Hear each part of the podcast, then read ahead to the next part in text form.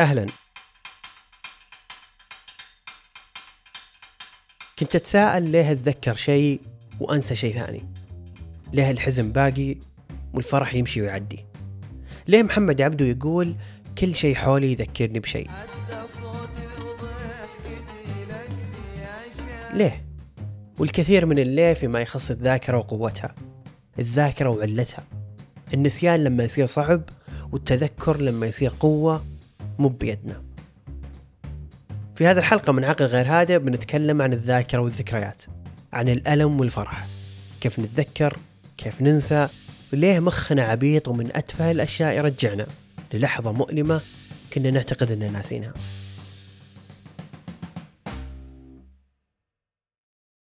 التجارب هي سلاح المعرفة والذكريات هي نتاج التجارب.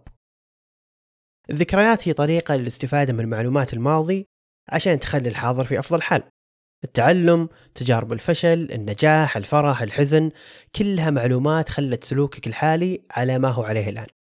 لأن بدونها بتكون شخص يستمر في إعادة كل شيء من أول وجديد. أغلاطك تنعاد، ولحظاتك الفاشلة تنعاد، وقتها حياتك كلها بيكون ما لها معنى. طالما ما استفدت منها لتحسين تجاربك المستقبلية. بس كيف يصنع مخنا الذكريات؟ وش أنواعها؟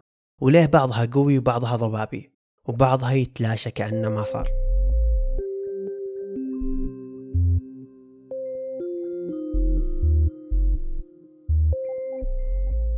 يقسم الدماغ المعلومات بمجرد تعرضك لها على ثلاث مستويات حسب أهمية هذه المعلومات لك وحسب ردود فعلك تجاهها قوية ولا ضعيفة ولا معدومة الثلاث مستويات هي أولها الذاكرة الحسية اللي تحس فيها جميع حواسك الخمسة تجاه البيئة اللي أنت فيها الحين.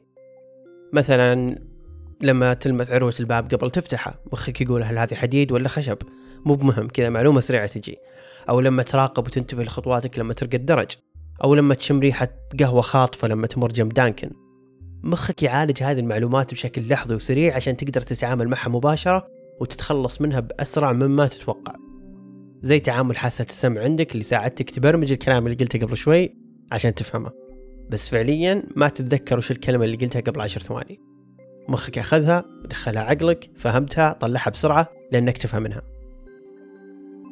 طيب في حال الذاكرة الحسية تحولت لشيء مهم ويحتاج مخك يدقق فيه شوي تنتقل للمستوى اللي بعده.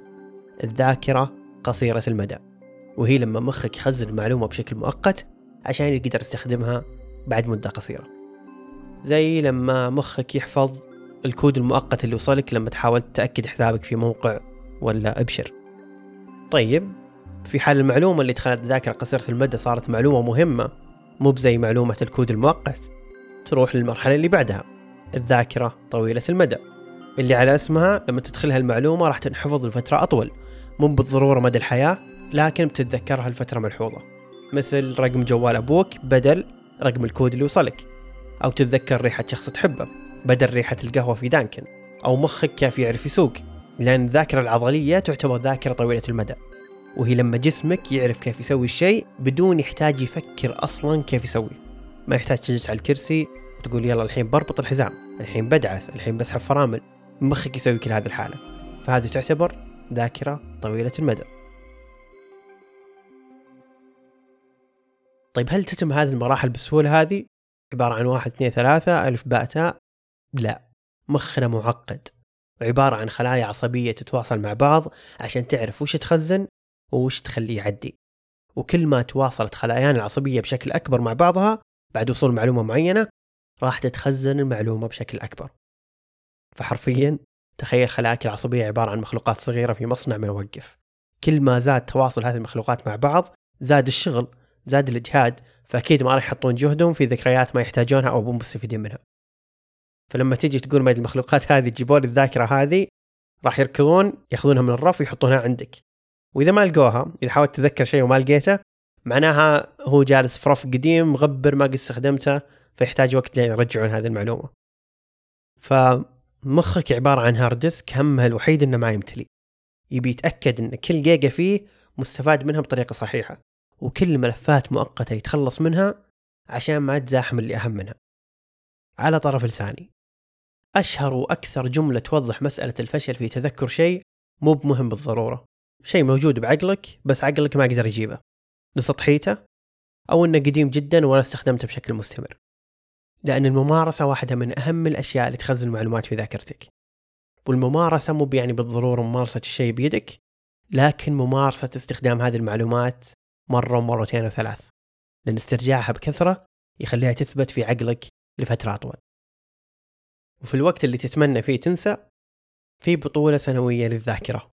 Uh, two of diamonds, three of hearts, seven of diamonds, three of diamonds. إيه. بطولة يتنافسون فيها الناس بمين فيهم يتذكر أكبر كمية من المعلومات وأصعبها في فترة زمنية قصيرة. بدأت هذه البطولة عالميا من عام 1991 يعرضون فيها المتسابقين لكمية هائلة من المعلومات المختلفة أرقام صور تواريخ أوراق بلوت وأكثر المتسابقين تذكرا لهذه المعلومات متراكمة في عقله دفعة واحدة يكسب لقب بطل العالم للذاكرة You you got it. You got one deck. You want to stop right there? Yeah, I'll stop right there. I, I knew a bit more, but it was actually a bit iffy. So وفي منها نسخة عربية تقام سنويا فازت فيها السعودية جوري نجار في آخر سنة لها في عام 2022 بفارق أكثر من 200 نقطة عن المركز الثاني. وعمرها بس 18 سنة. أصبت بمرض كورونا في أول وثاني يوم من البطولة وأعراض المرض كانت في أقصى حالاتها. وهذا طبعا كان مؤثر في تركيزي. رغم أنها نزلت توقعاتي آه، ولكن آه، أصبح خبر الفوز آه، له طعم آخر وكان جدا مفاجئ وجدا مفرح وكان أجمل. الحمد لله. المسابقة ما يفوز فيها الشخص اللي يتذكر كل شيء بحياته ويتذكر التفاصيل. لا مو بالضرورة. المسابقة يفوز فيها اللي يمرن ذاكرته قصيرة المدى مو بطويلة المدى. اللي يعرف يخزن ويثبت المعلومات لفترة قصيرة جدا عشان يقدر يستخدمها ثاني مرة. فجوري أو غيرها من الأبطال العالميين مو بالضرورة أصحاب ذاكرة قوية بس يعرفون كيف يستخدمون ذاكرتهم قصيرة المدى بأقصى فعالية. وهذا شيء سهل تتعلمه وتتمرن عليه. مع كم ترك يساعدك تتذكر معلومات كثيرة جدا عشان تستخدمها خلال فترة زمنية قصيرة جدا. اقروا عن الموضوع مرة يونس بيفيدكم كثير بالاختبارات والبرزنتيشن مسابقات زي هذه تأكد بشكل كبير أن الحالة الطبيعية للدماغ هي النسيان. فعليا فكروا فيها. أغلب اللي نعيشه بحياتنا منسي. لأن مقدار تذكرك لأحداث حياتك مقارنة بالحياة اللي تعيشها كلها مقدار ضئيل جدا. جدا جدا جدا. لأن البشر بطبعهم ما يهتمون بالتفاصيل ولا يعيرونها اهتمام. وهذه نعمة كبيرة. موضوع الذكريات هو هاجوس بالنسبة لي. لأنها شيء غير قابل للتحكم فيه. مو بشيء تمسكه بيدك وتقرر تخزنه أو تفلته من يدك وتقرر تنساه. الذكريات مو بزي المعلومات اللي تدرسها عشان تحفظها أو تنساها عشان تخلص الاختبار. الذكريات عملية تلقائية ما تكتشف أنها موجودة إلا في المستقبل. يا رب جملتي مفهومة. يعني لما يصير لك حدث معين أنت غير مدرك أثناء أو بعد حدوثه هل بيصير ذكرى أو لا. عادي تكتشف بعد عشر سنين أن مخك عنده ذكرى عادية لشخص حاسب لك في جرير. بالمقابل تكتشف بعد عشر سنين أن مخك ما حفظ أي ذكرى لشخص سلم عليك وقال لك أنه كان صديقك المفضل في الابتدائي. الذكريات شيء عبثي جدا. ما تدري متى بيصيب ومتى بيخيب. إما يحفظ شيء ويصدمك بعد فترة إنه صار ذكرى أو ببساطة ما تخزن واختفى كأنه ما صار بيوم. زي مليون لحظة عشناها ولا صارت ذكرى حتى يمكن وهي مميزة بس ببساطة مخنا ما حافظ عليها. كثير من اللحظات اختفت من مخنا للأبد بدون وعي مننا وقليل جدا من اللحظات تمسكت بمخنا كذلك بدون وعي مننا. إما صارت نعمة وحافظ لنا عقلنا بالأحداث الجيدة عشان تسعدنا طوال حياتنا أو صارت نقمة. واحتفظ عقلنا بالأحداث السيئة اللي بتضايقنا طول حياتنا كل ما زارتنا. رقص الذكريات ما بين ذا الحدين حد النعمة وحد النقمة هو اللي خلاني أسوي ذي الحلقة.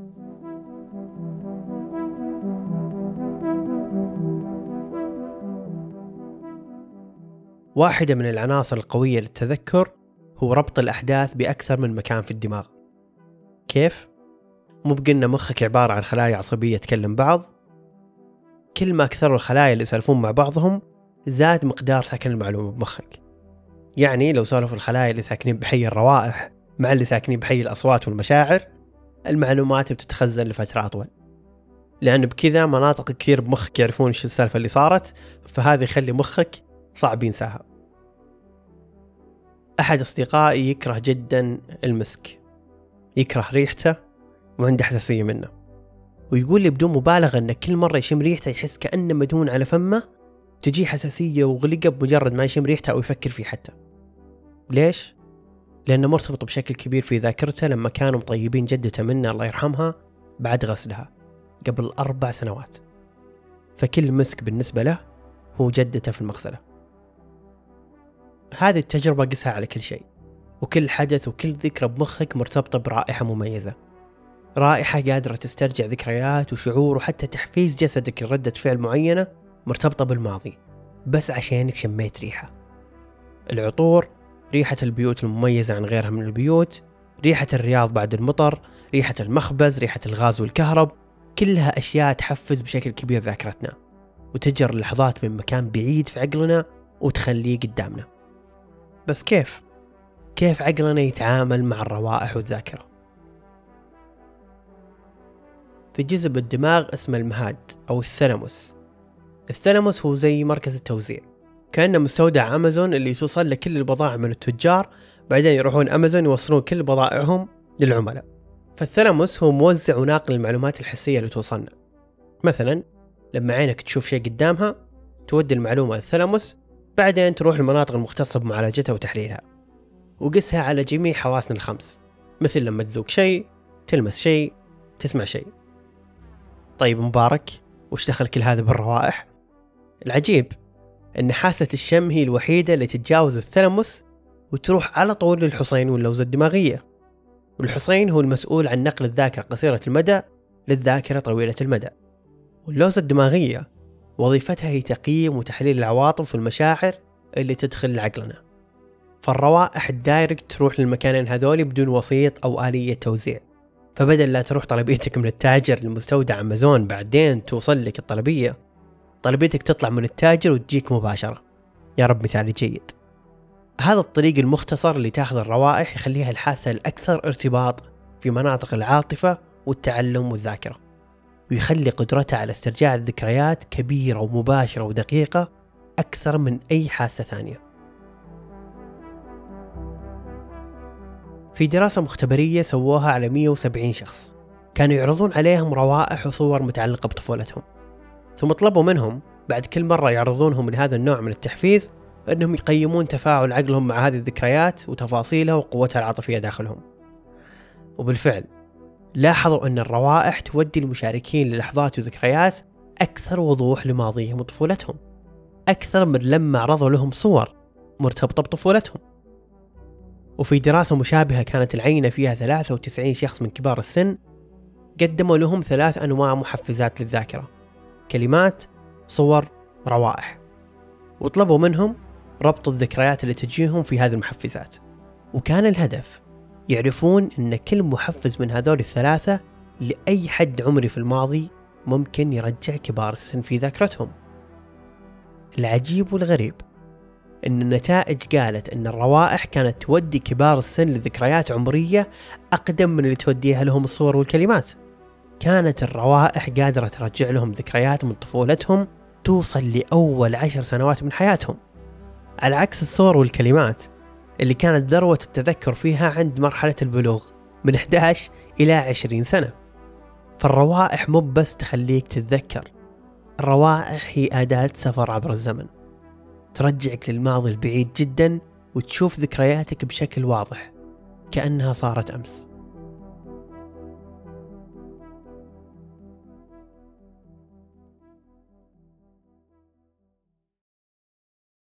أتوقع كلنا نعرف أو قد استخدمنا مصطلح نوستالجيا الحنين للماضي. مصطلح يوناني مركب من كلمتين العودة للوطن اليأس أو الحزن. لأنها مصطلح طلع لما كانوا يوصفون حال الجنود اللي كانوا يشتاقون لأرضهم أيام الحرب. ثم صارت تعرف كحالة طبية مرتبطة بالاكتئاب. لين خذوها الفنانين المكتئبين وحولوها لمصطلح رومانسي. لين وصلنا لهذا الزمن وصار مجرد مصطلح يوصف مشاعرنا البسيطة. لما نطالع وراء ونتذكر أحداث جيدة في الماضي مع أماني ورغبة صغيرة أن يا ليتها موجودة للآن. مو مرتبطة بالاكتئاب بالضرورة لكن بالحزن الخفيف اللي يجي لما تتذكر أحداث الماضي ما عاد هي موجودة الآن. بس السؤال ليه كل ما أسمع هذا المصطلح أتذكر شعور الدفء؟ ليه الذكريات والحنين يأخذون شكل الدفء؟ ليه الحنين مرتبط بالشتاء؟ ليه نادر نحن لأحداث الصيف وباقي الفصول؟ ليه دايم نحن في الشتاء؟ بقول حزين من الظما ولا حزين من الشتاء يا طير. دخيل الريشتين اللي تضفك حل عن عيني دخيل الماء وحزن الماء وملح الماء قبل ما تطير. تهيأ للهبوب اللي تصافق في شراييني. دخيل الغصن والظل الهزيل وهفافات عصير.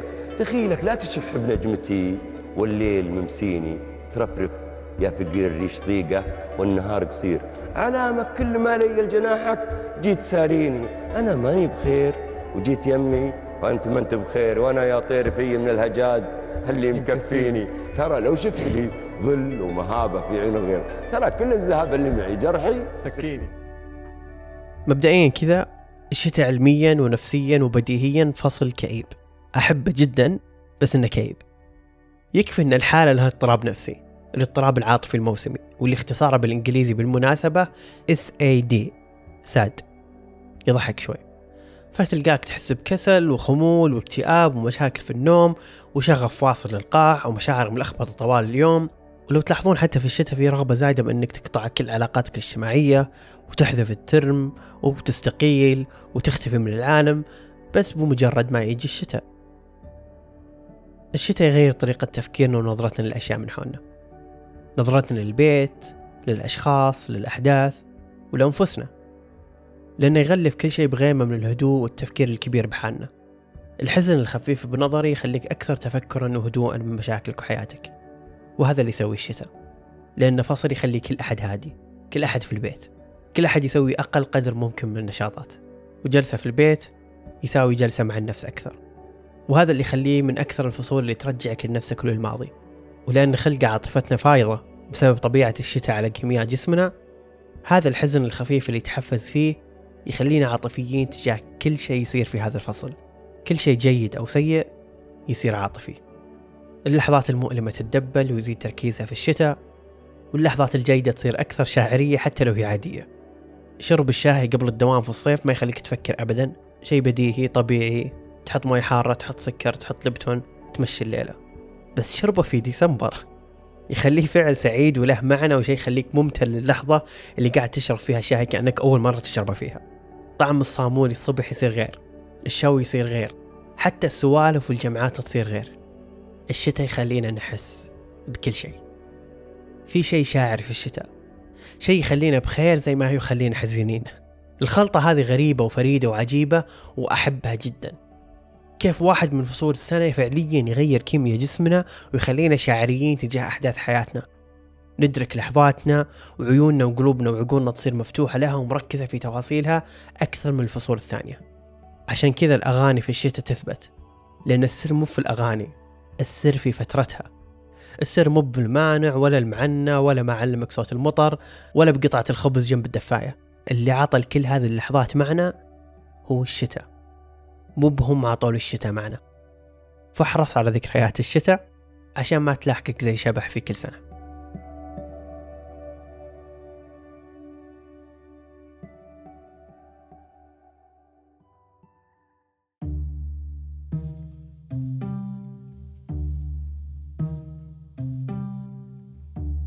كل ما تغلفت الأحداث بمشاعر معينة فرح أو حزن يزيد اهتمام عقلك فيها.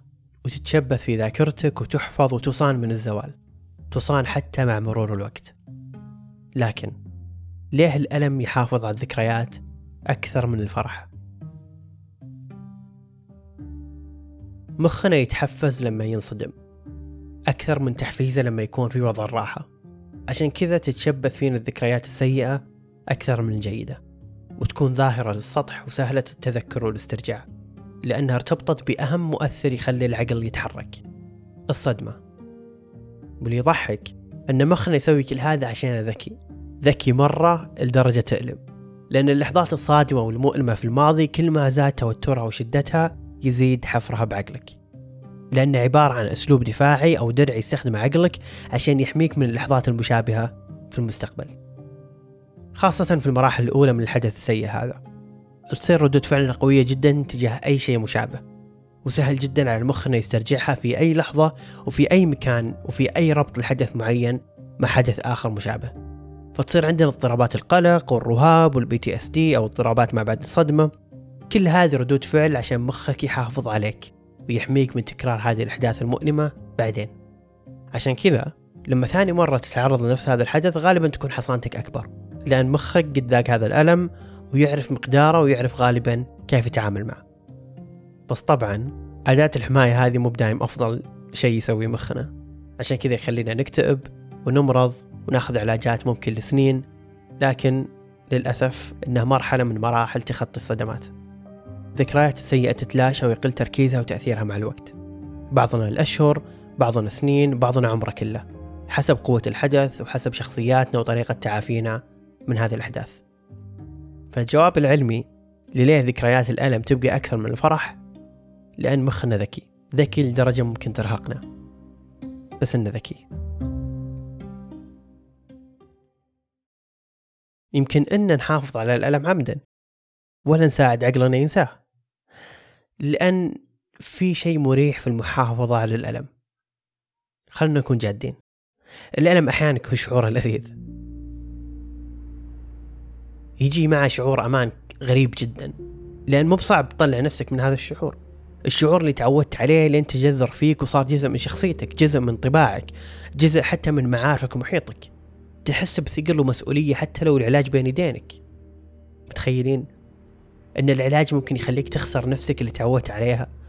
عشان كذا شعور غريب لما تحاول تحمي ألمك واكتئابك لأنك خايف تتغير حياتك وتنسلب منك أشياء واجد. لأن وقتها التغيير بيكون جذري. ما انت بجاهز له ما انت بجاهز تشوف نفسك تتغير عليك مو بجاهز تخسر شخصيتك المكتئبة اللي حبوها بعض الناس. مو بجاهز تخسر هذول الناس اللي زادوا من تمسكك في هذا الألم لأنهم عرفوك فيه. تحس ممكن تخسرهم بمجرد ما أنك تصير شخص أفضل لأن جمعكم الألم. بس هذا مو بصح وغلط تسويه. غلط جدا تحمي كل هذا وترضى تكون سيء طول حياتك بس عشانك خايف تخسر شيء. لا تساوم في صحتك على حساب تعودك على نمط الحياة هذا. اطلع وشوف نفسك من بعيد وشوف حياتك بزاوية أوسع زاوية التعافي وأثرها الجيد عليك. الكوميديان ديف شابيل قال بواحدة من عروضه جملة عظيمة. If you stand too close to the elephant you can't see the elephant. لما يكون وجهك لاصق بالفيل ما بتشوف الفيل. فلما تكون لاصق بالمشكلة ما أنت بشايف المشكلة. فاخذ خطوتين ورا.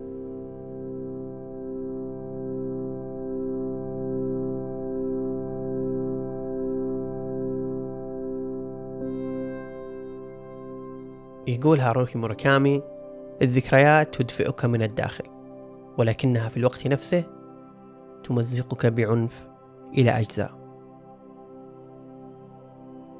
الذكريات المؤلمة تخليك تعيش بالماضي وتنسى في بعض الأحيان شكل الحاضر اللي تعيشه.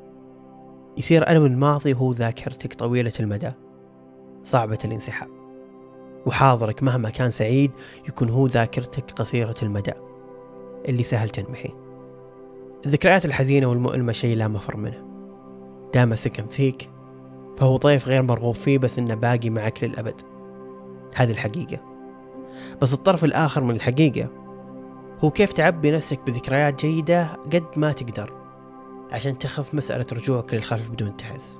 ما راح تنسى هذه الذكرى بس تخف مسألة رجوعك لها. فحاول تعالج ألمك أول بأول. لأن كل ما سكن فيك صار صعب جدا جدا جدا تخلي عنه. عيش ألمك وخذ وقتك بالشعور فيه وهذا الصح. الصح أنك تعيش ألمك وتعطيه حقه بس لا تتباطأ في محاولة حله. وأكرر هذا مو بتحجيم لألمك في أنواع ألم لازم تتجاوزها في ساعات. أيام أسابيع سنين أو يمكن طول عمرك تحاول تتجاوزها. مو بقاعد أسطح من الألم مو بكلام زي تجاوز ننطق فيها بسهولة بدون ندرك أن تجاوز قوة مو بيد كل أحد. أصلا مو بعقلاني تقول لأحد انسى وتخطى وتجاوز لأن محاولة النسيان عمدا هي عملية تذكر أصلا. شكرا لكم للاستماع. لا تنسون تقيمون البودكاست في البرنامج اللي تسمعون فيه حلقاتنا. وشاركوا الحلقة لشخص واحد. تعتقدون أن الموضوع بيعجبه. وقبل ننهي الحلقة القضية الفلسطينية واللي قاعد يصير اليوم ومن سنين. هي ذكريات لازم نحتفظ فيها حتى لو هي مؤلمة. لأن ألمها يخلينا نسعى بحثا عن حياة كريمة للفلسطينيين ولنا كعرب. ودام يدنا قصيرة وأمانينا كبيرة حوطوهم بالدعاء وتذكروهم دائما عشان نخلدهم في ذاكرة الجميع. من أراد ومن لا يريد. نشوفكم الحلقة الجاية. دام حربنا وحده. أنا مبارك.